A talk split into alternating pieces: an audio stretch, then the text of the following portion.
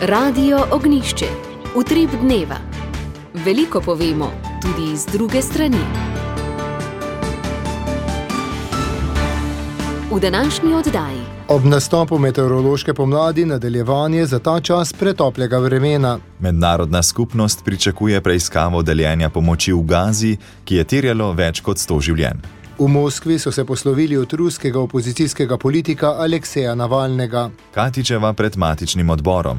Čudežev ne moremo obljubljati, med sodelavci ne bo upletenih v nakup sodne stavbe. Doktorica Lenka Forte trenutno zdravniško stavko ocenjuje kot posledico zamujenih priložnosti. Šport Niki Križnar zmaga v Lahtiju, Nika Prevc deseta. Vreme popovdne bo oblačno, dež bo slabel in do večera po večini ponehal, jutri bo spremenljivo s krajovnimi plohami.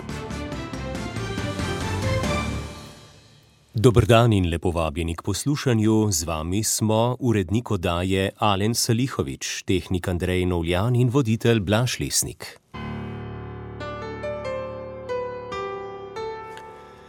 Z marcem smo vstopili v meteorološko pomlad, ki bo sledila nadpovprečno topli zimi. Meteorolog Brane Gregorčič z Agencije za okolje pravi, da podatki zaenkrat nakazujejo nadaljevanje za ta čas pretoplega vremena ni pa izključena ohladitev sredi prihodnjega tedna. Tudi če so daljša topla obdobja, jih lahko prekinejo vsaj krajši prodori hladnega zraka, tako kot se je to zgodilo letos januarja, ko je bil en konec tedna zelo zimski, precej eh, svežega snega. Ne? Tako da, glede na to, da je zdaj bilo daljše toplo obdobje in da ga ne bo prav na hitro konec, se bo verjetno narava prebudila dokaj zgodaj in seveda potem je pa nevarnost za kakšno pomladansko pozebo konec marca ali pa v prvi polovici aprila. Tega pa žal zdaj ni možno vnaprej napovedati. Zima, ki se izteka, se bo uvrstila med vsaj tri najtoplejše zime v zgodovini meritev.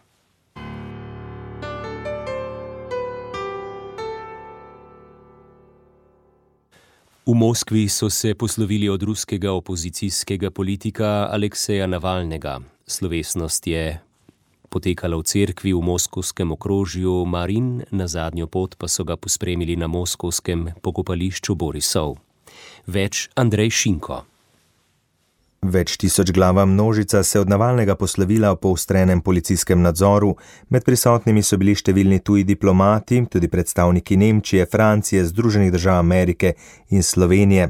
Ruske oblasti so upozorile na proteste, a so se prisotni od Navalnega v okrožju Marin, kjer je več let živel z družino, poslovili mirno s cvetjem v rokah, prav tak je bil sprehod do pokopališča. Ruske oblasti so sicer grozile s pridržanji in aretacijami, vendar pa to številnih ni odvrnilo od tega, da bi na zadnji poti pospremili enega največjih kritikov Kremlja. Tako zahodne države kot družina Navalnega za njegovo smrt krivi predsednika Vladimirja Putina in njegov režim. Žena opozicijskega voditelja Julija Navalna je sredi tedna v Evropskem parlamentu dejala: Putin must answer for what he has done Putin mora odgovarjati za to, kar je naredil naši državi, odgovarjati mora za to, kar je naredil sosednji miroljubni državi. Prav tako pa mora odgovarjati za vse, kar je naredil Alekseju. Moj mož nikoli ne bo videl, kako lepa bo prihodnost Rusije. Mi jo lahko vidimo in naredila bom vse, kar je v moji moči, da se njegove sanje uresničijo, da zlo propade in pride lepša prihodnost. Aleksej Navalni je umrl 16. februarja med prestanjem 19-letne kazni v koloniji na severu Rusije. Vzrok njegove smrti uradno še ni znan. Oblasti so njegovo truplo materi Ljudmili Navalni izročile več kot teden dni po smrti. Njegovi podporniki in družina pa so na to več dni iskali prostor za pogrebno slovesnost in se pritoževali, da jih ruske oblasti pri tem ovirajo. V streljanju izraelskih sil na palestince, ki so čakali humanitarno pomoč, je včeraj umrlo najmanj 112 ljudi, še približno 800 oseb je bilo ranjenih. Mednarodna skupnost je napad obsodila in pozvala k takojšnji prekinitvi ognja. Združene države Amerike so blokirale sprejetje izjave v varnostnem svetu, da je za napad na civiliste odgovoren Izrael. Številni palestinci so se včeraj zbrali na ulici Rašit v bližini mesta Gaza, kamor so prispeli tovornjaki s humanitarno pomočjo. Izraelske sile trdijo, da so na množico streljale, ker so se vojaki počutili ogroženo, ko naj bi množica začela pleniti pomoč. To je povzročilo paniko, nekateri pa so na to umrli pod streli, drugi v stampedu ali pod kolesi tovornjakov s pomočjo.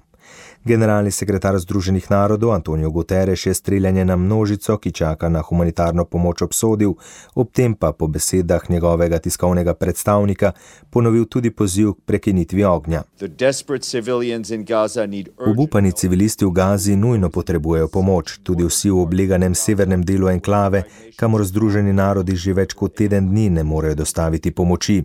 Generalni sekretar je zato pozval k takojšnji humanitarni prekinitvi ognja in brezpogojni izpustitvi vseh talcev, ki so zaprti v Gazi. Tudi italijanske in španske oblasti so pozvale k takojšnji prekinitvi ognja. Visoki zunanje politični predstavnik Evropske unije Josep Borel pa je sporočil, da je pokol med čakanjem na humanitarno pomoč nespremljiv in da gre za kršitve humanitarnega prava. Prav tako francoski predsednik Emmanuel Macron, ki je obsodil incident in opozoril, da so bili palestinski civilisti znova tarča izraelskih vojakov. Dogodek je obravnaval tudi Varnostni svet Združenih narodov. Razpravljal je o izjavi Alžirije, ki je krivdo za napad na palestinske civiliste pripisala Izraelu, a so jo Združene države Amerike blokirale, saj da še ni celovitih informacij o napadu. Izjavo je sicer podprlo 14 od 15 članic Varnostnega sveta. Ameriški State Department je sporočil, da bo pozorno spremljal preiskavo dogodka in zahteval odgovore. Neodvisno preiskavo zahtevajo tudi v Berlinu in Parizu ter Bruslju. Radio Ognišče, utrip dneva. Po prometnih informacijah še. Valentinčič o problematičnosti predloga zakona o uresničevanju kulturnih pravic pripadnikov narodnih skupnosti nekdanje SFRJ. Ob dnevu civilne zaščite na Brdu pri Kranju podelili priznanja. Šport slovenske rokometašice v kvalifikacijah za Evropsko prvenstvo v Velenju izgubile proti Franciji z 20 proti 35. Prometno-informacijski center. Lepo pozdravljeni. No, tem popodnevu, kar nekaj prometnih nesreč ovira promet. Na cesti Nova Gorica Tolmin je med ročinem in doblarjem promet urejen izmenično enosmerno. Na cesti Zlake Trojane je pri Zlakah promet oviran, še ena nesreča pa na Ljubljanski vzhodni voznici in sicer je v predoru Golovec proti razcepu Malence zaprt prehitevalni pas, tu nastaja tudi zastoj. Kar nekaj gneče na slovenskih cestah zaradi popodanske prometne konice, promet je močno povečan na cestah iz mestnih središč in pa na mestnih obvoznicah železnicah nastajajo tudi zastoji.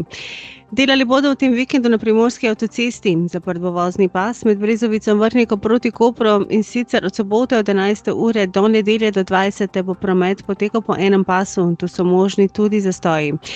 Danes od 17. pa do nedelje do 17. pa bo zaradi del zaprta regionalna cesta Bič Trebnje Mirna Peč. Obvoz bo tudi za vozila brez vinjete po avtocesti med obema priključkoma za Trebnje ali pa po lokalni cesti skozi Trebnje. Toliko stanju na cestah, vsem pa še naprej želimo lep dan zaradi ogniščeni na Mesarič. Radio Ognišče. Poslušate utrip dneva. 15 in 9 minut. Ne morem obljubljati čudežev, je dejala kandidatka za ministrico za pravosodje Andreja Katič pred matičnim odborom za pravosodje. Uvodoma je omenila, da ji ni bilo enostavno sprejeti odločitve o kandidaturi. V nadaljevanju je predstavila nekaj načrtov in svoje poglede na aktualne teme. Razpravo je spremljala Tanja Dominko. O soglasju za kandidaturo je Andreja Katič uvodoma dejala. Priznam, da odločitev, da sem danes tukaj pred vami kot kandidatka za pravosodno ministrico, ni bila lahka. Vsi smo iz medijev spremljali dogajanja zadnjih dveh mesecev, v takšnih okoliščinah sprejeti kandidaturo za vodenje ministrstva terja globok razmislek, ki pa res ni smel trajati dolgo, predvsem pa je k temu potreboval tudi zelo iskren pogovor s predsednikom vlade. Med načrti je omenila rešitev plačnih zagad, pravosodno reformo, boj proti korupciji, spremembo zaporniškega sistema in še kaj. O aferi nakupa stavbe za sodišče ni želela soditi, počakala bo na rezultate pristojnih organov. Vsekakor stvari ne bo pometala pod preprogo, je pa jasno, da med svojimi sodelavci nekaterih upletenih ne bo imela. Kdo bodo moji najožji sodelavci, ne vem. Še Verjamem pa, da bom čim prej to lahko tudi povedala, zagotovo že naslednji teden. Eh, ne bo pa to dr. Šoltes, eh, tudi ne eh, gospod Uroš Gojkovič kot generalni sekretar. Verjamem, da bom našla tudi druge ustrezne sodelovke, sodelovce. Poslanci opozicije so jo spraševali tudi o posem konkretnih stališčih glede nekaterih njenih nedavnih izjav, pa tudi o korupciji. Andrej Hojvik, SDS. In ali boste pozvali, torej vse, da prijavijo koruptivna dejanja, predvsem pa ali boste kot ministrica za pravosodje za časa, po našem mnenju, najbolj koruptivne vlade v zgodovini Slovenije prijavili sume na koruptivna dejanja vašega bodočega šefa, vaših strankarskih kolegov, ministrov in ministric in tudi seveda drugih ministrov. Katičeva je dejala, da bo imela enake vaflje za vse. Zagotovo, ne glede na to, eh, kdo prihaja, koga sem poznala v preteklosti, ko je zasedel takšno ali drugačno funkcijo. Poslanko NSI Vido Čadonič Pelič je med drugim zanimalo naslednje. Kaj boste naredili, da bi se zaupanje v sodni svet in seveda v njegove kadrovske odločitve, ki vemo, kakšne so, gre za imenovanje novih sodnikov, da bi se povečalo v javnosti? Kandidatka je odgovorila, da podpira trojček zakonov, ki je že v proceduri. Med njimi je tudi spremenjeni zakon o sodnem svetu, ki se je začel pripravljati že v času njenega prejšnjega mandata. Samo pri številu članov sodnega sveta bi mogoče eh, naredili še en premislek in zagotovo mogoče je potrebno narediti tudi premislek o, o profesionalnem statusu predsednika sodnega sveta. Pravosodni resor je Andreja Katič že vodila med letoma 2018 in 2020 v vladi Marjana Šarca. Državni zbor bo o njej kot novi pravosodni ministrici glasoval na torkovi seji. Z današnjim dnem so stopili v veljavo umiki soglasij številnih zdravnikov za nadurno delo. V praksi pomeni, da bodo ti zdravniki delali največ 48 ur tedensko. Prav tako ne bodo delali več kot 16 ur neprekinjeno, kar je povsem v skladu z Evropsko direktivo o delovnem času. Zato bodo morali delo marsikje organizirati drugače. Ponekod bodo zdravniki delali v izmenah, odpadali bodo nekateri nenujni pregledi in posegi. Posledice bodo najbolj čutili bolniki, pod večjim pritiskom pa bodo tudi urgentne službe. Več meta potočnik. V Fidesu so navedli, da se je za umik soglasja odločila več kot polovica vseh zdravnikov. Na Ministrstvu za zdravje pa, da je v bolnišnicah soglasja umaknilo približno 30, v zdravstvenih domovih pa okoli 20 odstotkov zdravnikov. Poglejmo UKC Ljubljana, kjer je zaposlenih 1600 zdravnikov. Soglasja jih je umaknilo kar 422, deset se jih je kasneje premislilo. V UKC Maribor je najbolj kritično na anesteziologiji, kar bo vplivalo na delo na celotni kirurgiji. V nekaterih javnih zdravstvenih ustanovah bo delo pri njih potekalo brez večjih posebnosti, ni pa tako naprimer v bolnišnici Ptuj. Na kirurgiji imamo eh, polovico manj prihodka, kot ga bomo imeli, kot ga imamo običajno, ker imamo na polovico izvedenih storitev internistika, tudi nekaj, ampak manj ambulante, ostale ginekologije tudi. Je povedal VD direktorja bolnišnice Aleksandr Voda. Težave imajo tudi v Šempetrski bolnišnici, pravi direktor Dimitri Klančič. Problem bo zagotavljanje 24-urne neprekinjenega zdravstvenega varstva na področju radiologije, pediatrije, posledično porodnišnica, tako da prihajamo v zelo krizno obdobje in trdno upam na nek sporazum. Medtem je vlada sprejela odlog, s katerim določa zdravniške storitve, ki jih morajo zdravniki opravljati v času stavke. To so storitve stopnjo nujnosti zelo hitro, izdajo zdravniških potrdil in bolniških listov, napotitve pacijentov na nadaljne zdravljenje in zagotavljanje informacij o zdravstvenem stanju oskrbovancev v domovih za starejše. Zavedam se pomembnosti pravice do stavke vendar pa mora ta biti sorazmerna in nikakor ne sme pretehtati nad drugimi ustavno zagotovljenimi pravicami, kot sta pravica do zdravstvenega varstva.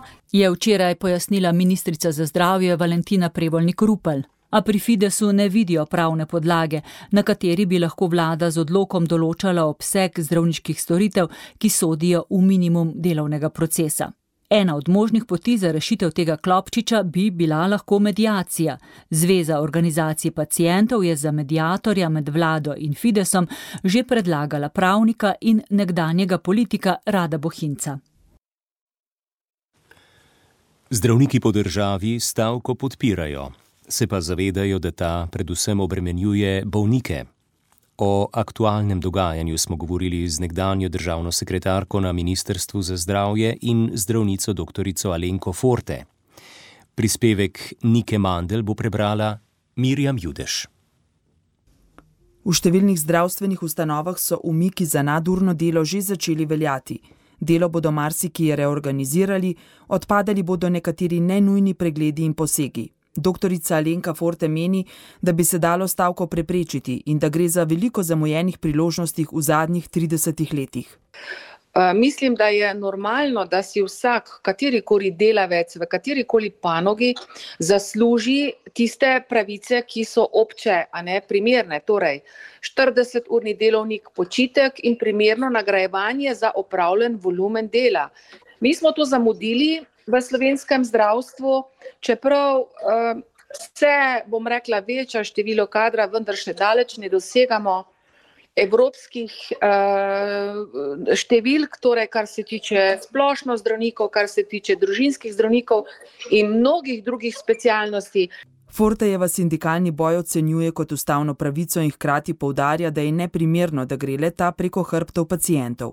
Dodaja še, da ne znamo zadostno gledati na urejenost Evrope, ter da ob stalni komunikaciji pri težavah tako strani stroke kot odgovorne politike do trenutnega stanja verjetno ne bi prišlo. Prav tako se težave kažejo v komunikaciji z mediji. Po poročanju portala domovina.je je bila včerajšnja oddaja tarča zgolj pogrom nad zdravniki, nad čimer doktorica ni presenečena. To lahko gledamo že zadnji dve in tri leta, da, da bom rekla, so neki. Uh, ljudje, ki ne vem, kaj konkretno počnejo, kaj imajo neko konkretno izobrazbo, da so neki aktivisti in se norčujejo iz sistema. Jaz mislim, da, naši, da je to skrajno nespoštljivo do naših državljanov, ki potrebujejo zdravstvene storitve, skrajno nekorektno, nespoštljivo do vsakega strokovnega delavca v zdravstvu. In, in kot sem rekla, ta rumeni tisk, ki se dogaja, ne služi ničemer, še najmanj pa našim pacijentom. Glede opažene odsotnosti pri pogajanjih trenutne ministrice za zdravje, Fortejeva še pojasni. No, gre pravzaprav za neko, neko formalno pogajanje, tisti, ki pa je odgovoren in kompetenten na prvem mestu, to je minister, ne, pa uh, se ne. Uh, torej, jaz mislim, da ne čuti povezanosti s svojim resorjem. Prav, to so neki ljudje, ki so tam pač pristali na ministerski funkciji, ne čutijo pa povezanosti s sistemom, za katerega bi želeli narediti najboljše v dobro ljudi. Sej sistem služi na koncu ljudem. Izboljšan zdravstveni sistem bo služil vsakomor od nas. Sogovornica upa, da se takšno stanje čim prej prekine, tako v dobro pacijentov, kot tudi zdravstvenih delavcev, da se javno zdravstvo ne samo reši, ampak prav tako izboljša. Utrip dneva, tudi v obliki podcasta.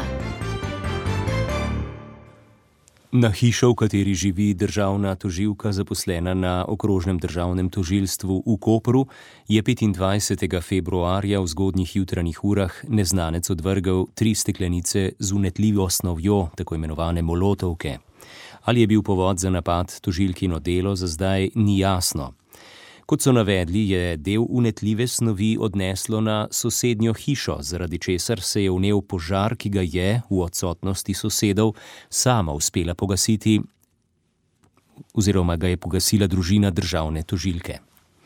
Kot kaže, je šlo za načrtovano in organizirano dejanje, ki je najverjetneje povezano z opravljanjem državno-tožilske funkcije, so zapisali na Vrhovnem državnem tožilstvu. Nasilno dejanje napada na domovanje državne tožilke sicer tam tudi ostro obsojajo, še zlasti, če je povezano z opravljanjem njenega poklicnega dela, so še zapisali. Državni zbor bo na redni marčni seji, ki se bo začela v ponedeljek, obravnaval predlog zakona o uresničevanju kulturnih pravic pripadnikov narodnih skupnosti nekdanje SFRJ, ki ga je pripravila koalicija. V SDS so opozorili, da je diskriminatoren, v NSI pa v primeru sprejetja zakona napovedali posvetovalni referendum. Kaj o njem meni strokovnjak za varstvo manjšin dr. Dejan Valentinčič, pa boste slišali v prispevku Toneta Gorjupa. Dejan Valentinčič se že leta posveča manjšinskemu pravu. Sad njegovega raziskovanja je knjiga z naslovom Slovensko manjšinsko varstvo v primerjalni perspektivi, ki je šla sredi februarja.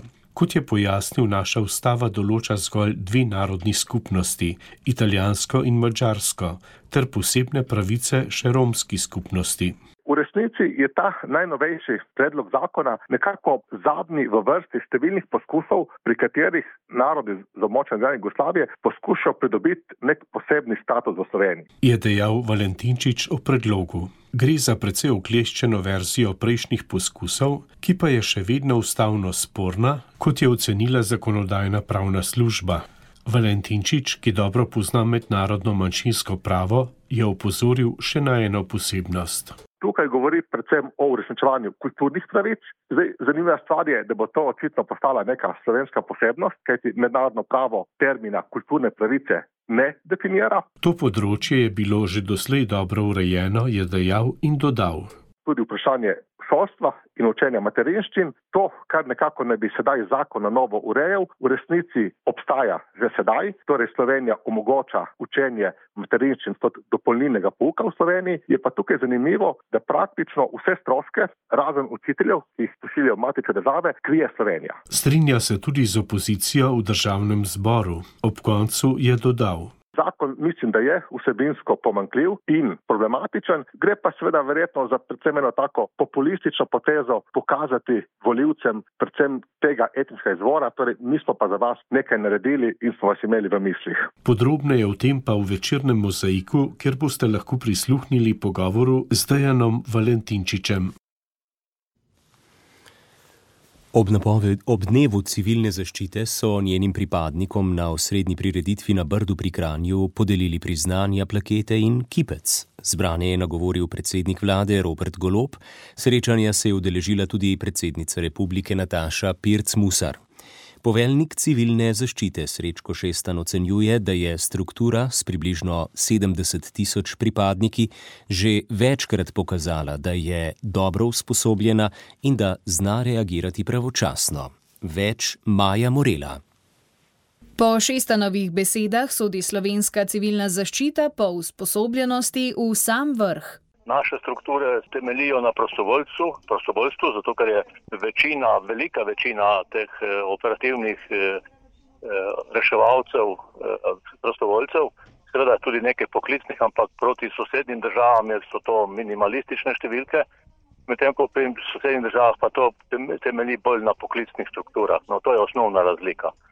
Drugače pa glede opremljenosti, sposobljenosti pa jaz upam reči, da smo na vrhu ali pa na samem vrhu. Nekaj operativcev zaščite je tudi poklicnih, a v primerjavi s sosednjimi državami gre za minimalno število. Šestan je prepričan, da bodo tudi letos priznanja šla v prave roke. Uvesti pa nameravajo tudi posebno priznanje za pripadnike, ki so pomagali med avgustovskimi ujmami. Prvič jih bodo podelili ob obletnici poplav. Da je lani zaščita pokazala svojo zanesljivost, se strinja tudi direktor uprave Republike Slovenije za zaščito in reševanje Leon Behin. In vsi tujci, s katerimi zelo pogosto delamo in imamo izmenjavo stikov, tako na strokovnem področju, kot ob samih nesrečah, z začudenjem spremljajo, kako nam to uspe. Dosekrat mogoče tudi, ko se prijavljamo na kakšen projekt, rečemo, da bodo pomagali poleg nas profesionalcev tudi prostovoljci, da se jemljajo malo s skepso.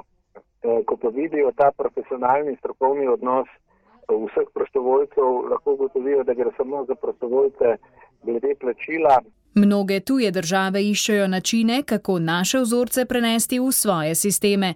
To pogosto ni mogoče, saj smo sistem, ki temelji na vrednotah prostovoljstva, humanitarnosti in množičnosti, gradili stoletje.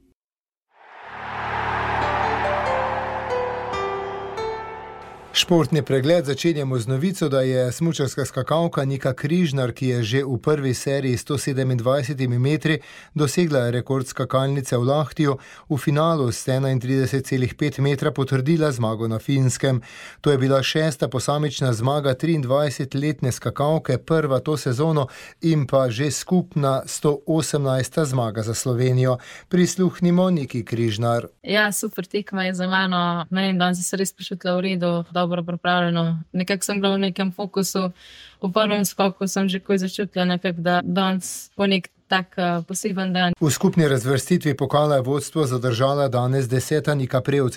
Ob Niki Križnar, ki je predtem na zadnje na najvišji stopnički stala pred skoraj dvema letoma, sta na zmagovalnem odru končali dve Avstriki, Druga je bila Jacqueline Zajfrisberger, ki je za Slovenko zaostala za 7,6 točke, zmagovalka zadnjih dveh tekem svetovnega pokala v Hincenbachu in najbližja zasledovalka Nike Prevce v skupni razvrstitvi svetovnega pokala Eva Pinkelnik, ki je bila po prvi seriji sedma, pa je v finalu napredovala na zmagovalni odr. S tem je zmanjšala zaostanek za Niko Prevce za 174 točk. Ja, to pač ne bi moj vikend. Enostavno se nisem našel noben skok. Skakalke bodo sezono nadaljevale prihodnji konec tedna v Oslu, danes ob 17. uri pa bo v Lahtiju še moška posamečna preizkušnja. Slovenski atlet Rok Ferlani je prvi dan 19. dvoranskega svetovnega prvenstva v Glasgowu v prvem krogu teka na 400 metrov dosegel drugi čas prve skupine in se avtomatično po mestih uvrstil v polfinale. Ta bo nocoj ob 22. uri in 10 minut po slovenskem času. Skupno si je Ferland delil 11. čas prvega kroga in je napredoval po fotofinišu. Slovenska ženska rokometna reprezentanca je v tretjem krogu kvalifikacij za Evropsko prvenstvo v Velenju pred polnimi tribunami Rdeče dvorane izgubila proti Franciji z 20 proti 35. V nedeljo se bodo varovanke črnogorskega stratega Dragana Adžiča v naslednjem krogu še enkrat pomerile s Francijo. Slovenska rokometna reprezentantka Ana Gros je o visokem porazu proti Franciji povedala. Ja, sigurno v drugem polčasu ni steklo, niti malo, ne vem, kaj se je zgodilo. Slovenska ženska izbrana vrsta je v kvalifikacijah za Evropsko prvenstvo tako zabeležila prvi poraz, potem ko je v prvih dveh krogih zanesljivo doma ugnala Latvijo in v gosteh Italijo. Slovenska kolesarska asa Tadej Pogačar in Primoš Roglič se bosta ta konec tedna prvič v sezoni predstavila na dirkah najviše ravni. Pogačarja čaka jutri preizkušnja po makadamskih cestah v okolici Sijene, Roglič pa se bo v nedeljo prvič tekmovalno predstavil v dresu nove ekipe na dirki Paris-Nica. To je bil šport v tri podneva, ki sem ga za vas pripravil, Alen Salihovič.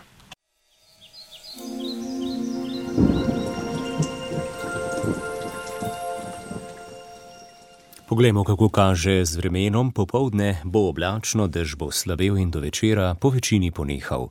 Najviše dnevne temperature bodo od 9 do 14 v zgornje Savski dolini okoli 6 stopinj. Jutri bo spremenljivo do pretežno oblačno vreme, na severovzhodu bo po večini suho, drugod bodo nastajale krajevne plohe ponekod bo pihal južni do jugozahodni veter. Najniže jutranje temperature bodo od 3 do 8 v alpskih dolinah okoli nič, ob morju do 10 stopinj, najvišje dnevne pa bodo od 8 do 15 stopinj Celzija. Vremenska slika. Nad severnim in osrednjim sredozemljem je plitvo ciklonsko območje. Oslabljena vremenska motnja je prešla Slovenijo. V višinah doteka k nam razmeroma topel in vlažen zrak. Obeti. V nedeljo in ponedeljek bo spremenljivo do pretežno oblačno, predvsem v zahodnih in južnih krajih bo občasno rahlo deževalo. V nedeljo bo ponekod še pihal jugozahodnik ob morju jugo. K temperaturam vreme po Sloveniji ob 15. uri. Kredarica v oblakih rahlo sneži minus 3 stopinje, piha pa jugovzhodnik v sunkih do 48 km na uro. Rateče 6, Logatec 8, Kran, Maribor, Vrhnika, Gorni grad, Ravne na Koroškem in Slovenske konice povsod 9 stopinj. Celje 10, Ljubljana oblačno 10, prav tako Murska sobota in tudi Kočevje, Lendava in Ptuj 10 stopinj. Novo mesto pretežno oblačno 11, Ilirska bistrica tudi 11 stopinj piha jugovzhodnik v sunkih do 24 km na uro, Nova Gorica 12, prav tako Krško, Koper pa ob 15, 16 stopinj piha jugovzhodnik v sunkih do 26 km na uro.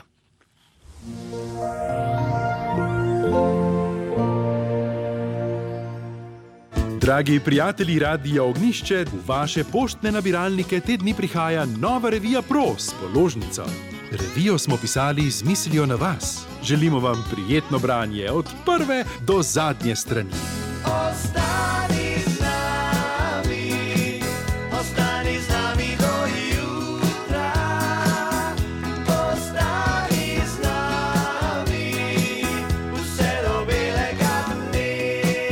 Dragi prijatelji, ostanite z nami na valovih Radia Ognišče. Na cesti Nova Gorica Tolmin se je zgodila prometna nesreča med Ročinjem in Doblerjem. Promet je tam urejen izmenično enosmerno. Tudi na cesti Izlake Trojane je prišlo do prometne nesreče, pri Izlakah je oviran promet. Zaradi popoldanske konice je promet povečan na cestah iz mestnih središč ter na obvoznicah nastajajo zastoji. Na primorski avtocesti bo zaprt vozni pas med Brezovico in Vrhniko proti Kopru od jutri od 11. do povdne pa do nedelje do 20. ure. Promet bo potekal po enem pasu, možni so zastoji. Zno, zapora med postojno in razdrtim pa je odpovedana. Naj vas ob koncu tripa dneva povabimo še k poslušanju Mozaika dneva, v njem boste lahko prisluhnili pogovoru o stavki zdravnikov z nekdanjo državno sekretarko na Ministrstvu za zdravje in zdravnico dr. Alenko Forte. Dejan Valentinčič pa je spregovoril o problematičnosti predloga zakona o uresničevanju kulturnih pravic pripadnikov narodnih skupnosti nekdanje SFRJ. Vabljeni k poslušanju Radija Ognišče ob 18. V tripu dneva smo bili z vami dnevni urednik Alen Salihovič, tehnik Andrej Novljan in voditelj Blaž Lesnik. Ura je 15 in 32 minut. Radio Ognišče. Veliko povemo, tudi z druge strani.